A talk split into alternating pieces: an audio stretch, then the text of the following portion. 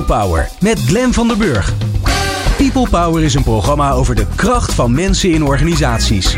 Met interviews en laatste inzichten voor betere prestaties en gelukkige mensen.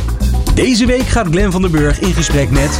Professor Toontaris en professor Hajo Reijers, allebei van de Universiteit Utrecht. En Oscar Lauzegger van Oracle is hier in de studio.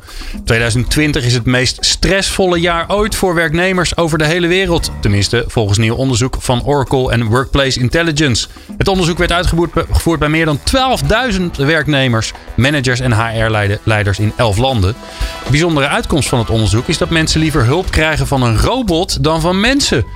Reden genoeg om hierover in gesprek te gaan met Oscar Lauzegger van Oracle. En we vragen aan Toon Taris, hoogleraar arbeids- en organisatiepsychologie aan de Universiteit Utrecht, hoe het nou precies zit met stress op het werk.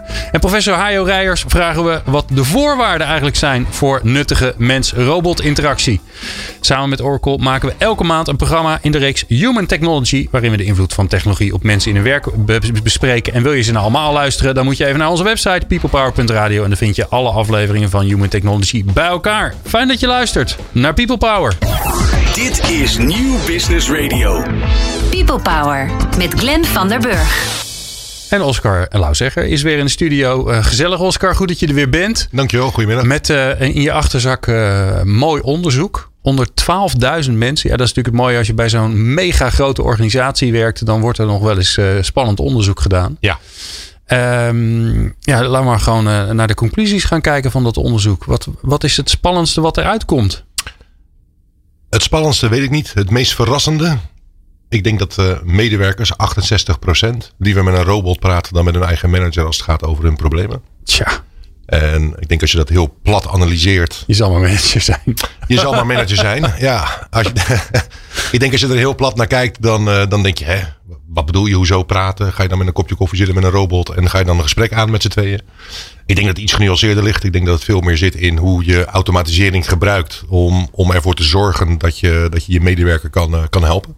Ja, een robot is ook niet een, een, een soort vermenselijking. Hè? Het is niet een robot, een blikken ding. Het is geen robocop. Nee, je, nee. Pra je praat eigenlijk met je computer. Ja, en, en eigenlijk is dan die robottechnologie is meer iets als artificial intelligence. Uh, een, een, een slimme digitale digital assistant, chatbot.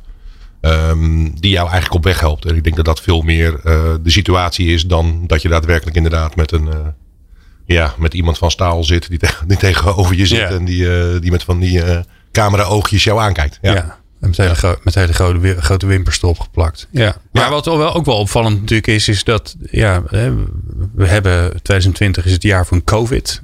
Ja. Uh, dat dat ook echt wel doorwerkt in, uh, in, in de stress en de angst die mensen daarin voelen. Nou, wat ik een hele verrassende ook vond, was dat 80%, of bijna 80%, 78%, um, door COVID eigenlijk in een soort van depressie terechtkomt. Nou, dat, dat, dat in, in de werkomgeving, het thuiszitten, het continu thuiszitten. Uh, maar dat het dus ook heel erg doorwerkt in hun privéleven. Zowel in, in, in de relatiesfeer met partner.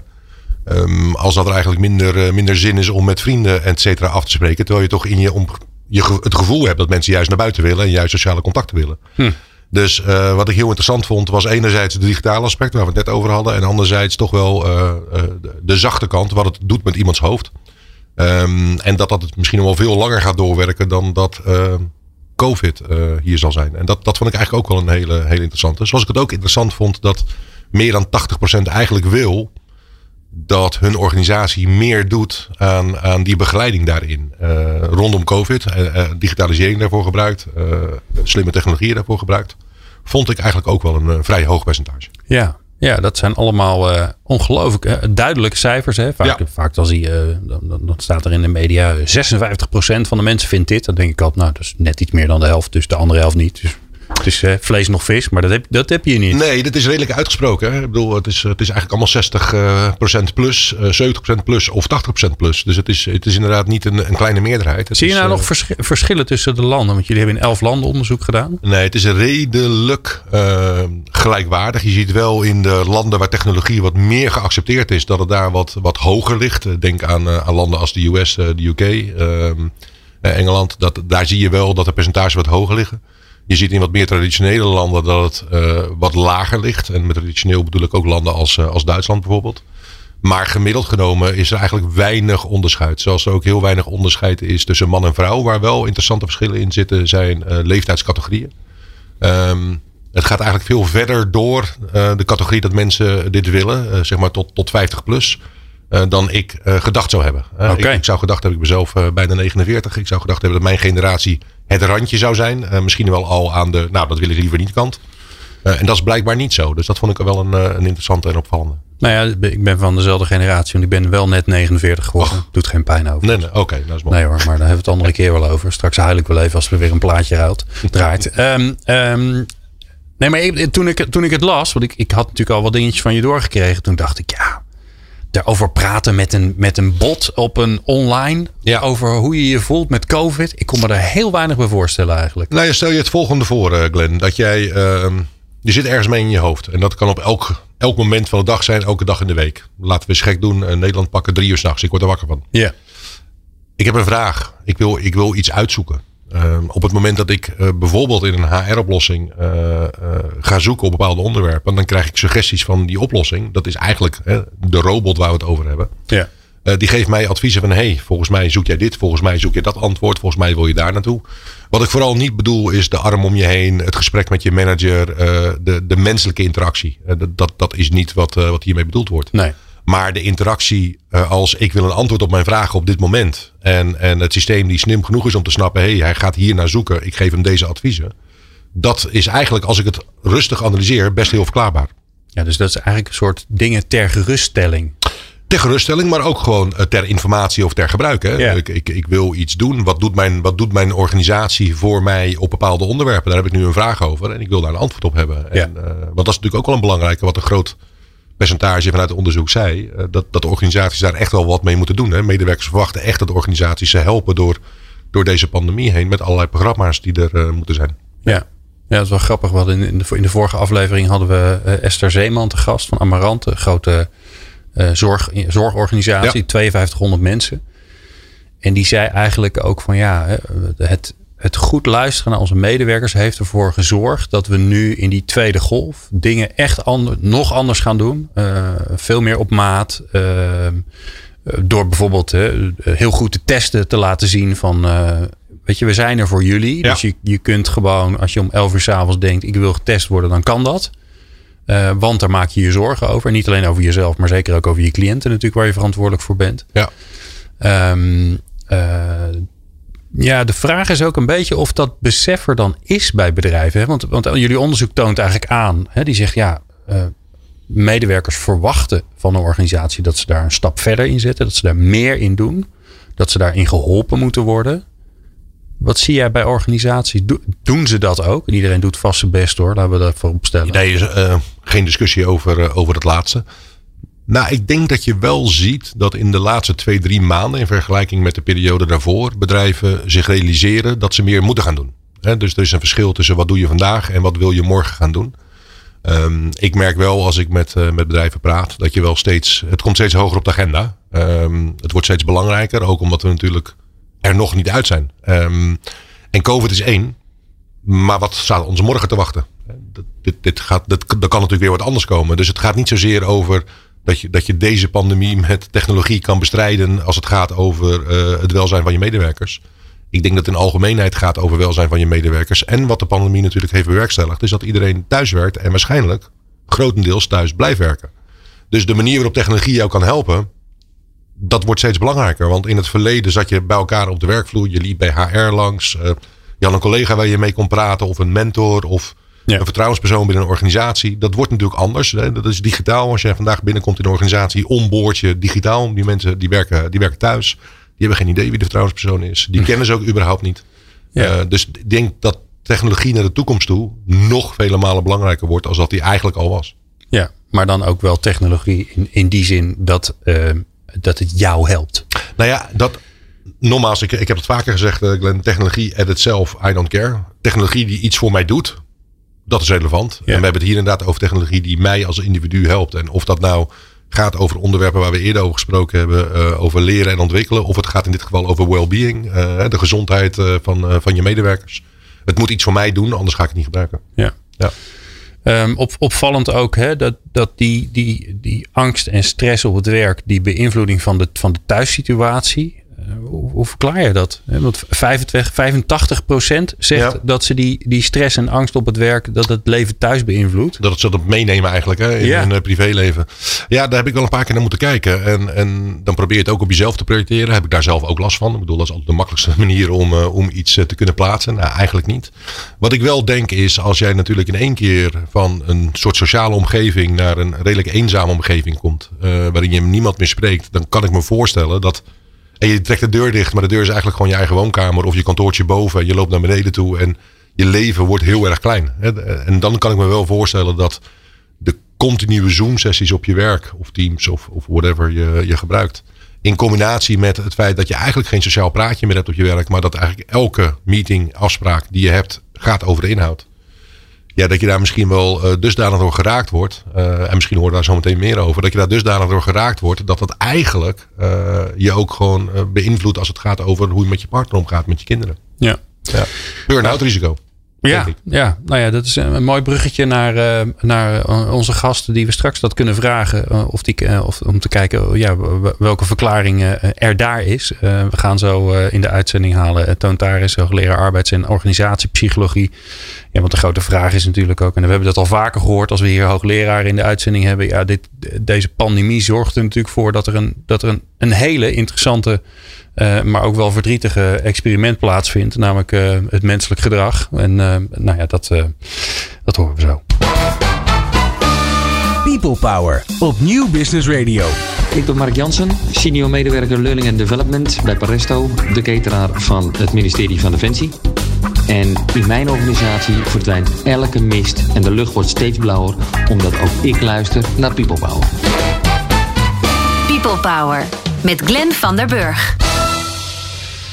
Ja, we hebben Oscar Lauwzegger in de studio. En we hebben aan de, aan de andere kant hebben we uh, digitaal aanwezig Toon Taris, hoogleraar uh, Toon Taris. We hebben het over, uh, ja, onder meer over stress. Um, ja, we hebben net eigenlijk gezegd, ja, dat, wat is dat nou? Hè? Wat is dat nou dat mensen in deze COVID-pandemie ineens de stress van hun, hun werk, dat ze dat mee naar huis nemen? Ja, we waren een beetje aan het gissen uh, net met z'n tweeën, Oscar. Maar gelukkig hebben we nu een hoogleraar die we het ook gewoon kunnen vragen. Ja. Dus uh, Toon, hoe, hoe kijk jij daarnaar? Heb jij daar een, een, een verklaring voor? Ja, goedemiddag, uh, Totaris dus. Uh, ik ben nu verstaanbaar, hoop ik. Zeker, heel goed. Hartstikke goed, mooi. Hey, um, eigenlijk is het uh, vrij recht toe recht aan, zou je kunnen zeggen. Stress is iets van, uh, je komt iets tegen een bepaalde situatie. Er komt een uitdaging aan, iets waarvan je niet precies weet hoe je daarmee om moet gaan. Je gaat erover nadenken, kan je het aan? In sommige gevallen zal blijken dat je het wel aan kunt. Nou, in dat geval zul je een soort positieve stress hebben. Je moet goed presteren bijvoorbeeld. In andere gevallen zal blijken dat je het niet aan kunt. En dan krijg je negatieve stress. Uh, dus dat is stress zo'n beetje. Nu zit je met die uh, hele COVID-toestand. Uh, veel mensen zitten thuis, in ieder geval gedeeltelijk. Um, en dat blijkt eigenlijk lang niet zo leuk als je misschien van tevoren zou denken. Als je bijvoorbeeld een jaar geleden thuis werkte, dan deed je dat vrijwillig. En nu doe je dat min of meer gedwongen. En dan blijkt dat dat best wel lastig is. Uh, je apparatuur moet werken. Uh, je kunt je mensen niet aansturen als je bijvoorbeeld leidinggevende bent. Of als je medewerker bent, is het lastig om met je leidinggevende in contact te komen en zo. Dus het levert allerlei problemen op waarbij mensen uh, ja, daaraan op de een of andere manier een oplossing voor moeten gaan vinden. En dat lukt lang niet altijd, dus dat levert stress op. Ja. Je kunt je ook voorstellen op het moment dat jij thuis zit um, en het lukt allemaal niet zo. Ja, je zult het toch kwijt kunnen op de een of andere manier. Dat gaat dus bij je partner terechtkomen. Uh, die vindt dat misschien niet leuk om naar jou te luisteren als jij weer een probleem hebt. Ik spreek een beetje voor mezelf. Mijn vrouw uh, zit ook thuis. dus we zitten allebei op een andere kamer gelukkig. Maar dan zijn ze niet altijd handig met computers. Dus dat betekent dat ik opeens een soort IT-professional ben geworden. En ja, zo handig ben ik daar nou ook weer niet mee. Of als je kinderen thuis zitten, omdat ze niet naar school mogen bijvoorbeeld. Ja, ik bedoel, jij bent geen leerkracht meestal. Dus dat, dat levert gewoon problemen op. En bovendien interfereert dat weer met je, met je werksituatie. Dus je kunt bepaalde zaken niet afmaken, niet, niet opstarten, niet goed uitvoeren. Je kunt je concentreren. Je kunt dus niet presteren en je doelen niet halen. Nou, dat is allemaal buitengewoon vervelend allemaal. Ja. Dus nou, stress. Ja, en wat ik nou zelf zo interessant vind, Toon, is dat uh, 85% van, uh, van, de, van de onderzochte mensen bij het onderzoek wat uh, Oracle heeft laten uitvoeren, die zegt dat stress en angst op het werk het leven thuis beïnvloeden.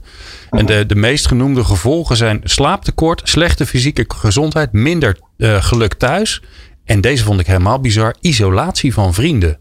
Maar als gevolg van het thuiswerken.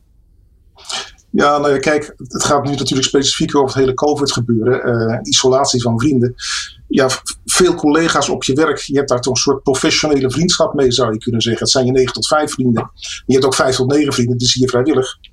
Maar uh, ja, als, als je die mensen op je werk niet meer tegenkomt, je kunt ze niet meer om advies vragen, je komt ze niet bij de koffieautomaat tegen, je kunt iets met ze delen. Een probleempje, een grap, een, eh, verhaal over het voetballen bij zo spreken. De 13-0 van Ajax gisteren tegen VVV. Ja, dan, dan wordt het toch een beetje eenzaam allemaal, dat werken. Ja, ja, dus ja, dat, dat levert stress op. Dat, dat is vervelend. Ja. Mensen hebben een soort aangeboren behoefte aan menselijk contact. Dat is een van de drie fundamentele basic human needs. En die, uh, dat hele sociale gebeuren op het werk, dat, dat mis je opeens. Je komt alleen je partner nog tegen. Ja, dat is leuk natuurlijk, maar misschien niet de hele dag. Oscar. En, en is het misschien ook zo, uh, Toon, dat normaal gesproken op het werk, hè, als ik naar mezelf kijk, ik zit, ik zit vrij veel in Zooms, dus ik zie al mijn collega's nog, maar ik zie ze eigenlijk alleen maar inhoudelijk over een onderwerp. Waar je inderdaad vroeger uh, veel meer, uh, nou ik zou dan nooit over, uh, over die club uit Amsterdam praten, maar wel over de club uit Rotterdam bijvoorbeeld. Ja. Maar waar je in ieder geval een sociaal praatje hebt op het moment dat je inderdaad even naar een andere vergadering toe loopt of bij het koffieapparaat.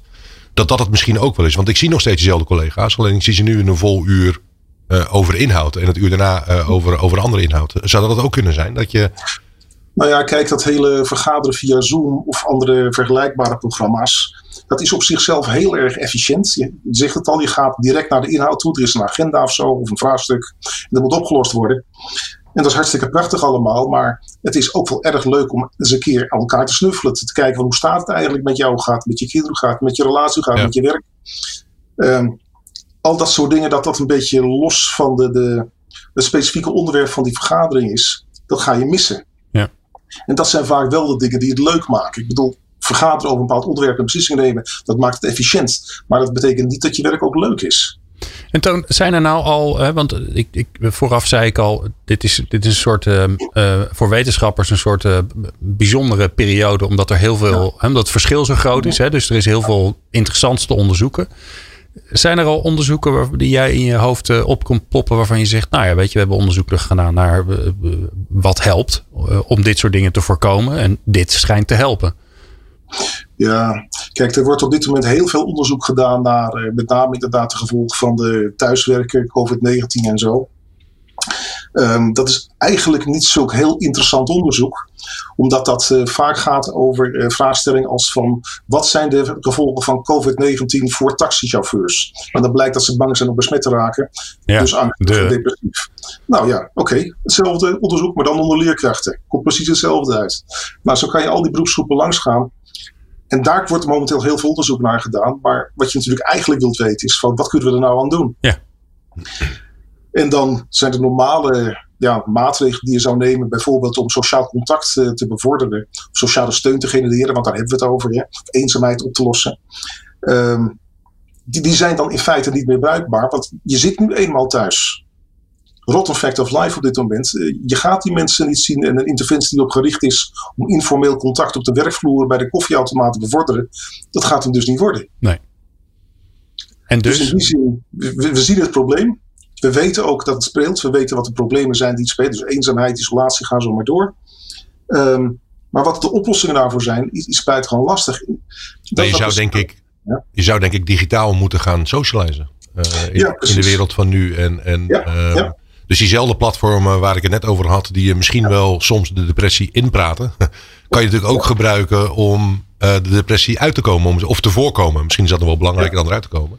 Ja, ik, ik, heb er een paar studenten van mij uh, aangezet om te kijken van wat voor dingen er, er, mogelijk zouden zijn, gezien dat je niet fysiek bij elkaar kunt zijn. Die kwamen aan met een programma als Slack. Ik ken dat programma ja. niet. Maar het kwam er in feite op neer dat je een soort digitale ja, koffiemoment kunt creëren. Ja. Of dat je gewoon een beetje, maar een beetje rommelen, zeg maar dat, dat zou digitaal in principe ook moeten kunnen natuurlijk. Nou zeker. En, en uh, ook uit het onderzoek komt naar boven hoe, technologie, hoe kan technologie je helpen in, de, in deze wereld. En, en ik ben het met je eens. Het is nu COVID, maar het kan ook wat anders worden in de toekomst. Uh, we, uh, misschien is het wel de nieuwe wereld waar we in zitten.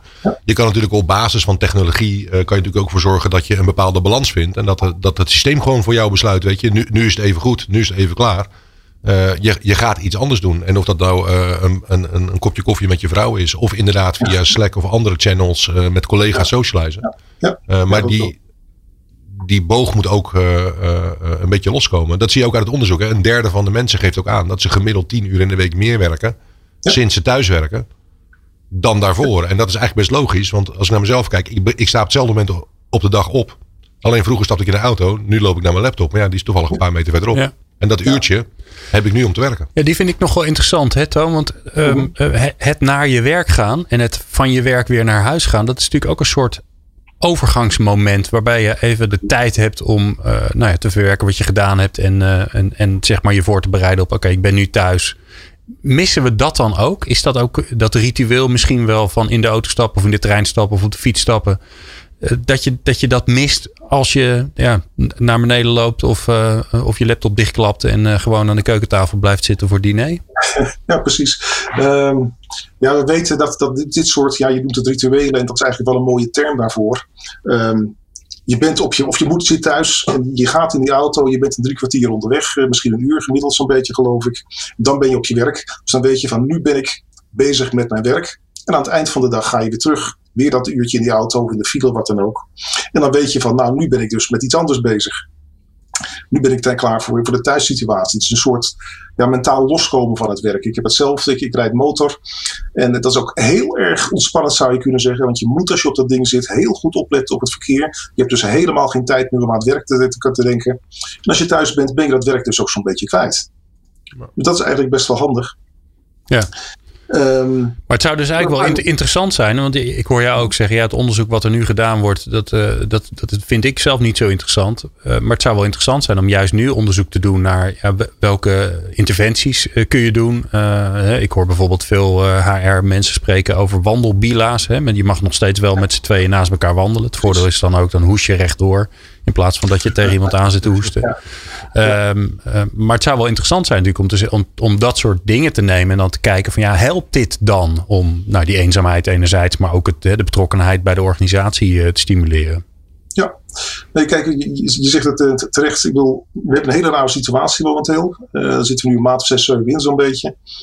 Uh, we moeten de dingen anders doen, dat is duidelijk. We zien nu ook wat de problemen zijn van gedwongen thuiswerken. Dus die isolatie, eenzaamheid gaan zo maar door. En nu is de kwestie van kunnen we daar slimme oplossingen voor verzinnen die ook werkzaam zijn. Nou, ik, ik denk dat dat verhaal van uh, via internet online contact zoeken, dat zou best kunnen werken. Het moet ook niet overdreven worden natuurlijk. Nee.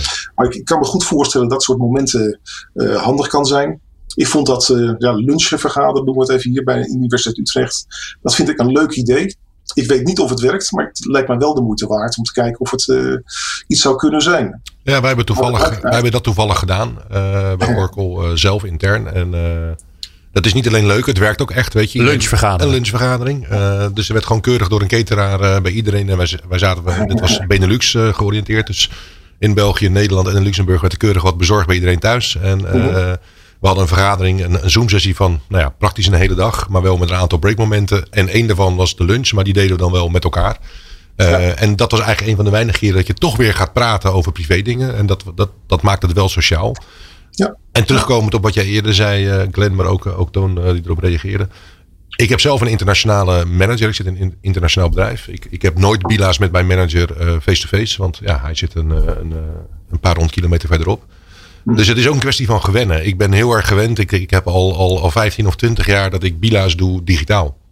Um, Dus het is ook, denk ik, voor heel veel mensen die in één keer gedwongen worden om, om digitaal te gaan werken. Om gewoon mhm. uh, aan te passen aan wat die nieuwe wereld is. En je eigenlijk niet vol te laten slurpen door de emoties die daarbij horen. Ja. Uh, maar dat je een soort nieuwe, nieuwe werkelijkheid uh, creëert. En wat daar heel erg bij helpt, is als je natuurlijk dat kan doen met met technologie die jou daarin ondersteunt en die jou daarin verder brengt. In plaats van dat je alles tegen de muur aan gooit omdat het niet functioneert. Zoals jij net zegt, Toon, dat je weer techneut moet spelen, ICT moet spelen voor, eh, voor de thuisfront. Ja, helpdesk. Uh, daar word je niet blijer van. Hè? Los van dat je je vrouw best wel helpen, maar je wordt niet blijer van continu dat soort dingetjes. Dus de, de zaken moeten wel functioneren. Nee, het is ook een van de weinige dingen die mij in deze tijd echt veel stress geeft. Dat als ik eh, ergens onderweg ben, uh, want dat mag ik nog steeds, want ik mag nog steeds naar de studio, dat ik een appje van mijn zoontje krijg. De wifi doet het niet. En dan denk ik, ja, Ik zit in de auto op weg naar Hilversum. Hoe Ja. wil je dat ik dat nu ga oplossen? Ja, doen. Ehm eh, Toon, dankjewel. Ik zou zeggen, blijf, blijf nog even lekker eh, eh, bij ons. Ehm, waar we straks heel erg benieuwd naar zijn. En daarvoor hebben we Hajo Rijers zo in de uitzending. Want die is hoogleraar onder andere informatica aan de Universiteit Utrecht. Ja, wat voor voorwaarden zijn er dan eigenlijk aan die technologische oplossingen om ervoor te zorgen dat dat mensen helpt in deze ingewikkelde tijden? Dat hoor je zo. People Power op Nieuw Business Radio. Dit is Menno Lanting, spreker en schrijver. En ik kan me voorstellen dat je wellicht eens op zoek bent naar nieuwe inspiratie, nieuwe inzichten. Kijk dan vooral eens naar People Power. Mooie verhalen, mooie inzichten. Ik raad het van harte aan. People Power met Glenn van der Burg. Oscar Lauzegger in de studio. Ja, we praten over het, eh, het onderzoek. Dat is de aanleiding van ons gesprek over ehm, eh, ja, de invloed van COVID op ehm, ehm, medewerkers, collega's, werknemers. En zeker ook eh, op hun privésituatie. Ja, een van de opvallende dingen uit het onderzoek is dat werknemers eh, liever hulp hebben van technologie dan van mensen. 68% van mensen zou liever een robot dan met een manager praten over stress en angst op het werk. En eh, we hebben eh Hajo Rijers eh, onder de knop. Ehm, eh, ja, Hajo, jij bent eh, hoogleraar informatica onder, onder meer hè, aan de Universiteit Utrecht. Hoe verklaar je dit? Ja, goedemiddag uh, uh, Glenn, goedemiddag Oscar. Goedemiddag. Hoe verklaar ik dat? Ja, um, het was voor mij ook een, uh, in die zin een nieuw resultaat. Ik had dit ook zelf niet eerder uh, gehoord of gelezen, dus ik vond het hartstikke interessant. Uh, het is toch enigszins te verwachten, gezien ja, de goede ervaringen die er eigenlijk bestaan al met robots in verschillende terreinen. Bijvoorbeeld de, de gezondheidszorg, dat, waarin je al kunt zien dat mensen veel geestelijke steun vinden. Uh, ondervinden bij de interactie met robots. Dus binnen dat patroon past dat wel. Hè? Dus ja, en, een, en Hajo, daar hebben ze echt interactie met, met robots zoals wij ze voorzien. Hè? Die ook een, een, zeg maar, fysieke verschijningsvorm hebben. Die bestaan zeker. Hè. Die hebben we ook gezien inderdaad. Op, die zie je bijvoorbeeld op het journaal. Uh, maar er zijn inderdaad ook um, uh, applicaties waarmee je uh, wel praat, maar misschien niet gelijk een robot voor je ziet. Uh, die bestaan ook, dus dat lijkt meer wat Oscar heeft verteld, waarin je uh, misschien met een, meer met een AI-toepassing eigenlijk interacteert. Maar de fysieke robots, die zijn er ook zeker. Dat klopt, ja. En het ja. is heel opvallend dat bijvoorbeeld ook ouderen, waarvan je misschien verwacht dat die het juist een beetje eng vinden, om met dat soort technologie te interacteren, eigenlijk zich al heel snel um, vertrouwd voelen om over van allerlei uh, zaken te praten. En zelfs ja, een generatie die misschien helemaal niet zo opgegroeid is met het idee om te kunnen praten over emoties, over, over uh, eenzaamheid bijvoorbeeld, dat dat eigenlijk wel op gang komt. Dus daar, daar past dat wel uh, binnen. Het is eigenlijk ook wel grappig, want een van de allereerste, en dat was een ontzettend simpele, simpele toepassing, ELISA, een, een programma dat eigenlijk in de jaren 60 aan, aan een MIT, een van de bekendste TU, technische universiteiten in de wereld, is ontwikkeld dat was al een programma wat heel eenvoudig was en eigenlijk maar hele simpele dingen kon teruggeven aan mensen. Dat zijn typisch dingen als je daar een sessie mee aanging. Zei het van, hoe is het met je? Kun je, dat, kun je daar een voorbeeld van geven? Oh, wat interessant. Hè? Dus die gaf eigenlijk hele simpele antwoorden terug. Interessant. Daar zag, daar zag je al dat mensen, daar zag de maker al van, dat zijn collega's en ook zijn secretaresse bijvoorbeeld, hele gesprekken met dat simpele computerprogramma aangingen. En als hij daar dan zich in probeerde te mengen, dan zeiden mensen: Sorry, maar ik heb een heel persoonlijk gesprek. Kun je, oh. daar, kun je een beetje op afstand uh, houden? En had hij moeite om die mensen ervan te overtuigen dat hij zelf dat programma had geschreven en dat het niks anders deed dan bijvoorbeeld antwoorden herhalen of dit soort vragen te yeah. beantwoorden. Dus daar kun je zien dat mensen ehm, eigenlijk een behoefte hebben en ook een, een, een grote openheid hebben om ja, met, dit soort, met dit soort robots of computers eigenlijk het gesprek aan te gaan. Ja. Dus dat bestaat, ja. Wat grappig. En dat ja, weten ik, we eigenlijk al een tijd. Ja. Ik, ik, ik, ben benieuwd hoe Toon daarnaar kijkt. Um, uh, want ja, dat zegt ook iets over de mens natuurlijk. Dus uh, hoe, hoe, hoe, hoe, kijk je daarnaar vanuit de psychologische kant naar die, uh, ja, naar die interactie tussen mens en, en, en machine? Ja, ik vind het wel, die vind ik ook wel fascinerend eigenlijk. Ik heb erover nagedacht. Ik dacht, het zegt natuurlijk inderdaad iets over de ervaringen van mensen met technologie. En die zullen vast over het algemeen goed zijn. Chatbots op allerlei websites en zo, dat zal je helpen. Die vroeg me ook af, en dat zeg ik dan als ANO-psycholoog, van misschien zegt het ook iets over de relatie van mensen met bijvoorbeeld een leidinggevende of iets dergelijks. Ja. Uh, mm-hmm. Misschien is die leidinggevende helemaal niet zo aardig. Weet hij de dingen niet zo erg goed? Is die bedreigend? Het is natuurlijk wel iemand die in principe jou de taken geeft en zo. En als jij aangeeft van ja jongens, ik heb een beetje problemen met mijn taken, kan het eigenlijk niet aan. Dan zijn je ook degene die jou straks ontslaat natuurlijk. Dus ik kan me best voorstellen dat mensen dan toch liever met een, een of andere robot uh, overleggen op de een of andere manier. In plaats van met een manager. Ja, maar ja. Toon, want het vond wel interessant wat Hayo net vertelde. Want die zei natuurlijk, ja, eigenlijk het enige wat, dat, wat, die, wat die, die eerste en van die eerste bots deed was herhalen wat iemand had gezegd. Hm, en, en, en bevestigen en uh, goh, wat interessant. En, en hummen. En nou ja, de, de dingen Die, we, die, die wij dan weer in communicatietrainingen leren. Mm -hmm. ja, als je, als je al dat soort dingen en coachingsvaardigheden, als je, als je die regels in zo'n AI-ding stopt, dan kan daar wel eens iets heel, heel vernuftigs uitkomen. Ja, uh, e-therapy heet het, is de technische term daarvoor. Dat is op dit moment een, uh, iets dat aan het ontwikkelen is. Dus het gaat inderdaad over digitale therapie met, uh, met mensen die problemen hebben. Eliza destijds was een, een heel primitief iets. Dat was een, zo, een zogenaamde Rogeriaanse benadering. En als ja. psychiater geef je dan inderdaad steeds terug van vertel er eens wat meer over. Je geeft geen oordeel, zeg maar, maar je, je kaatst het steeds terug. En mensen moeten dan zelf als het ware de oplossing bedenken. Um, tegenwoordig gaat het allemaal wat verder. En, en, en dat gaat inderdaad uh, best wel aardig, laat ik het zo zeggen. Er zijn mensen die daar uh, op promoveren. En daaruit blijkt uit het onderzoek dat mensen best wel tevreden zijn over dit soort toepassingen. Grappig. Oscar? Nou, ik, ik denk ook dat het misschien nog niet zozeer te maken heeft met het feit of je angst hebt voor je manager of niet. In sommige gevallen zal dat zeker zo zijn. En de objectiviteit is, is er natuurlijk niet, of niet altijd, laat het zo formuleren. Maar ik denk ook dat het heel erg te maken heeft. Uh, en het voorbeeld wat, uh, wat Hajo aangaf uh, over de jaren 60 geeft het wel aan. Dat is aandacht. En op het moment dat ik natuurlijk op het moment dat, dat ik een probleem heb, dat ik hulp wil, technologie mij eigenlijk die aandacht geeft en me ook nog op de juiste weg wijst waar ik nog meer antwoorden kan vinden of in contact kan komen met gelijksoortige mensen die met dezelfde problemen worstelen, et cetera. Dan, dan is technologie natuurlijk in één keer heel fijn. Dus, dus het feit dat dat om drie uur s'nachts gebeurt, omdat omdat ik daar behoefte aan heb. Dat geeft misschien ook wel de reden waarom deze percentages zo hoog zijn. Hm. Omdat, omdat mensen dat graag willen. Mensen willen geholpen worden. Ja. Nou ja, en dan, dan komt er ook nog uit jullie onderzoek dat 75% eh, van de ondervraagden zegt dat AI hun mentale gezondheid op het werk heeft geholpen.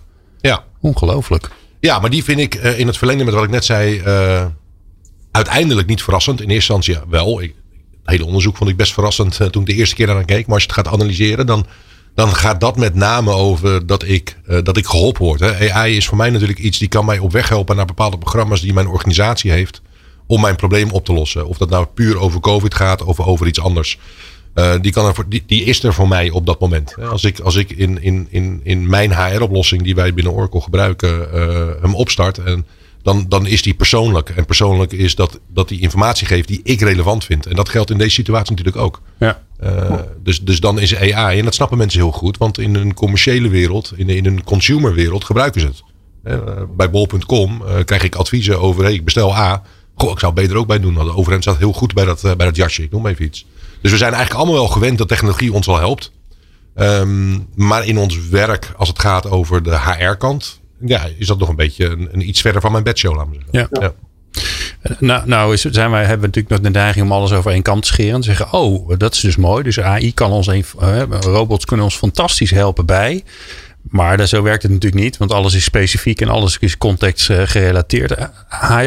Wat, wat voor voorwaarden moet, ja, moet dit soort interactie nou aan voldoen om, om succesvol te kunnen zijn? Nou, wat je ziet is dat uh, er ook, ook vaak sprake is van een initieel een heel groot enthousiasme van mensen als ze met dit soort uh, applicaties en bots gaan werken. Maar dat dat enthousiasme weg-appt als, uh, als het zo is dat het repertoire van de robot of de applicatie eigenlijk maar heel klein is. Hè? Dus als iemand herhaaldelijk misschien met een applicatie in gesprek gaat, hè, als, als vervanging van het gesprek dat hij of zij met de manager heeft, maar merkt dat het soort antwoorden of het soort suggesties uh, die zo'n applicatie geeft, eigenlijk maar zich binnen een heel klein straatje uh, afspeelt, dan raken mensen daar wel op uitgekeken. Ja. Hè? Dus je, het repertoire, uh, de breedte van het repertoire is heel erg bepalend voor het lange termijn succes okay. van, van zo'n applicatie. En er komt nog iets anders bij. we spraken net ook over de motivatie van mensen om dit eigenlijk te willen. Hè? Waarom willen ze nou eigenlijk met zo'n, liever met zo'n applicatie spreken dan met hun, hun eigen manager?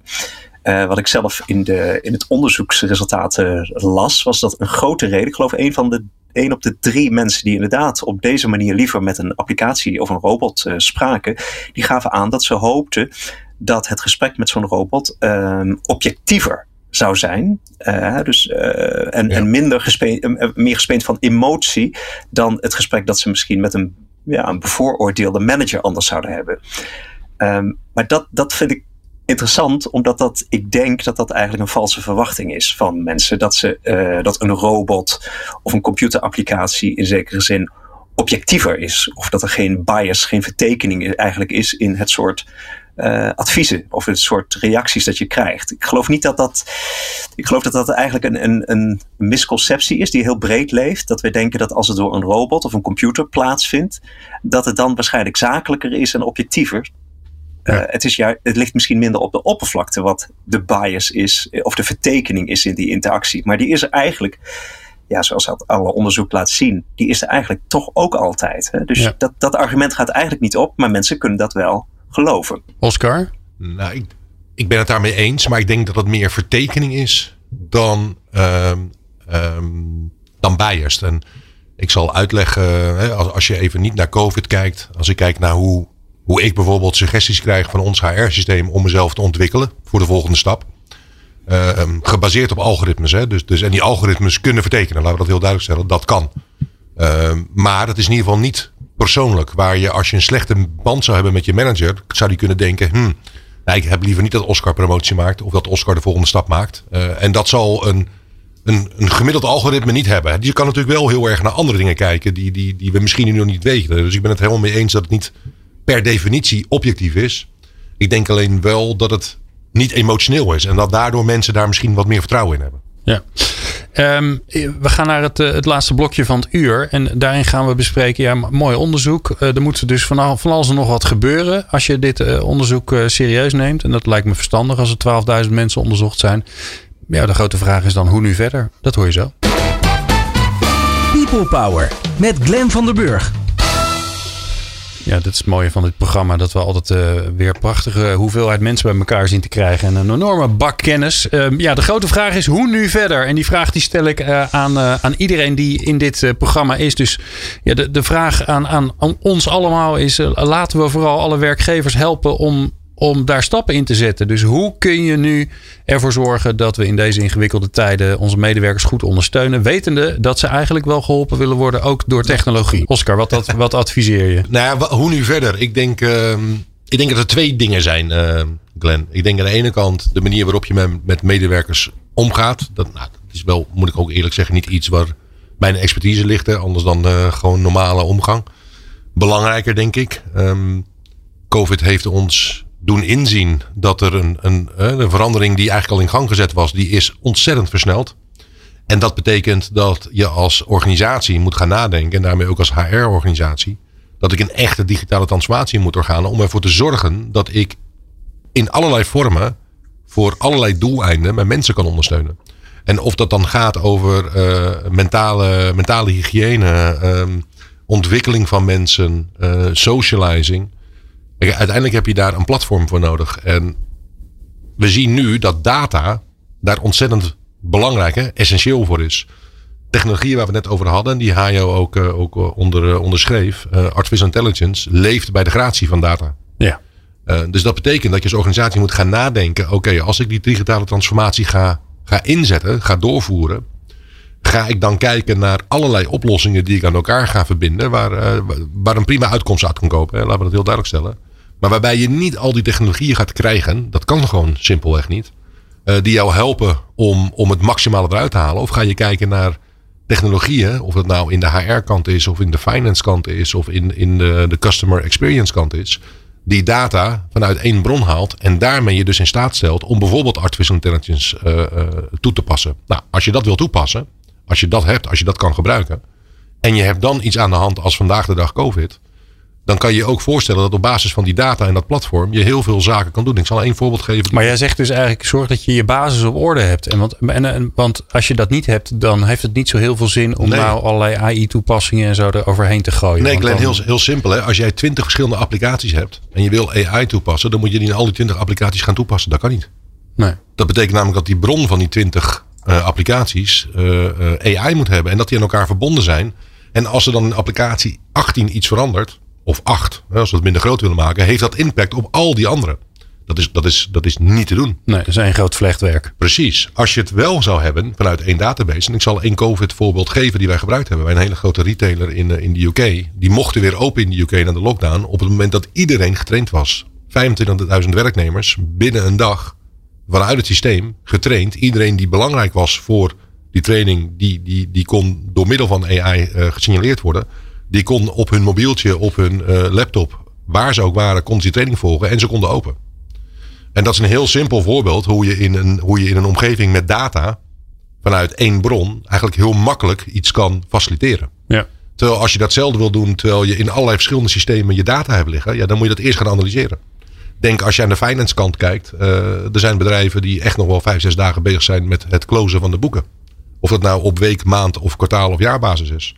Als je natuurlijk vanuit één databron werkt, dan kan dat vele malen sneller. Ik kan me ook goed voorstellen dat je wat. Um, um, dat een van de dingen die je, waar je nu, als je dat nog niet voor elkaar hebt, dat je daar echt goed aan moet werken, is dat mensen gewoon relaxed thuis kunnen werken. Dat het, dat, Ja. het, dat het werkt.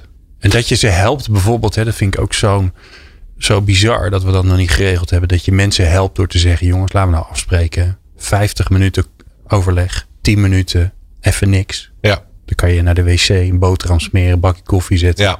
En dan gaan we weer verder. Dus we plannen max 50 minuten. Nee, er zijn en niet harde, een uur. Nee, er zijn harde en, en zachte kanten aan, eh, aan, eh, aan wat er nu gebeurt. En inderdaad, eh, de ene zijde zijn gewoon, de ene kant gewoon regels die je moet afspreken. Hoe ga je met elkaar om in deze wereld? Eh 50 minuten. Wij hebben toevallig vanmorgen in het managementteam daarover gehad. Iets wat we ook willen gaan doen. 50 minuten is een meeting maximaal. Heb je twee meetings eh, aaneengesloten, oftewel een, een lang blok, dan zit er een pauze in. Zorg dat mensen inderdaad nog gewoon dingen kunnen doen. Anderzijds gaat het over de technologie. En wat ik denk dat dan wel een belangrijk is, wat ik net niet, eh, niet gezegd heb, Glenn, als afsluiter, is technologie en het zelf. Hè, eh, wat ik eerder aangaf, is het niet alleen. Je moet ook zorgen dat de medewerker vertrouwen daarin heeft. Dus je moet ook transparant daarin zijn. Je moet ook duidelijk uitleggen hoe die technologie functioneert. En op het moment dat mensen dat zien, gaan ze het gebruiken. Want dat doen ze in hun privéleven ook. En als ze dat gaan gebruiken, dan gaat het jou als een organisatie verder helpen.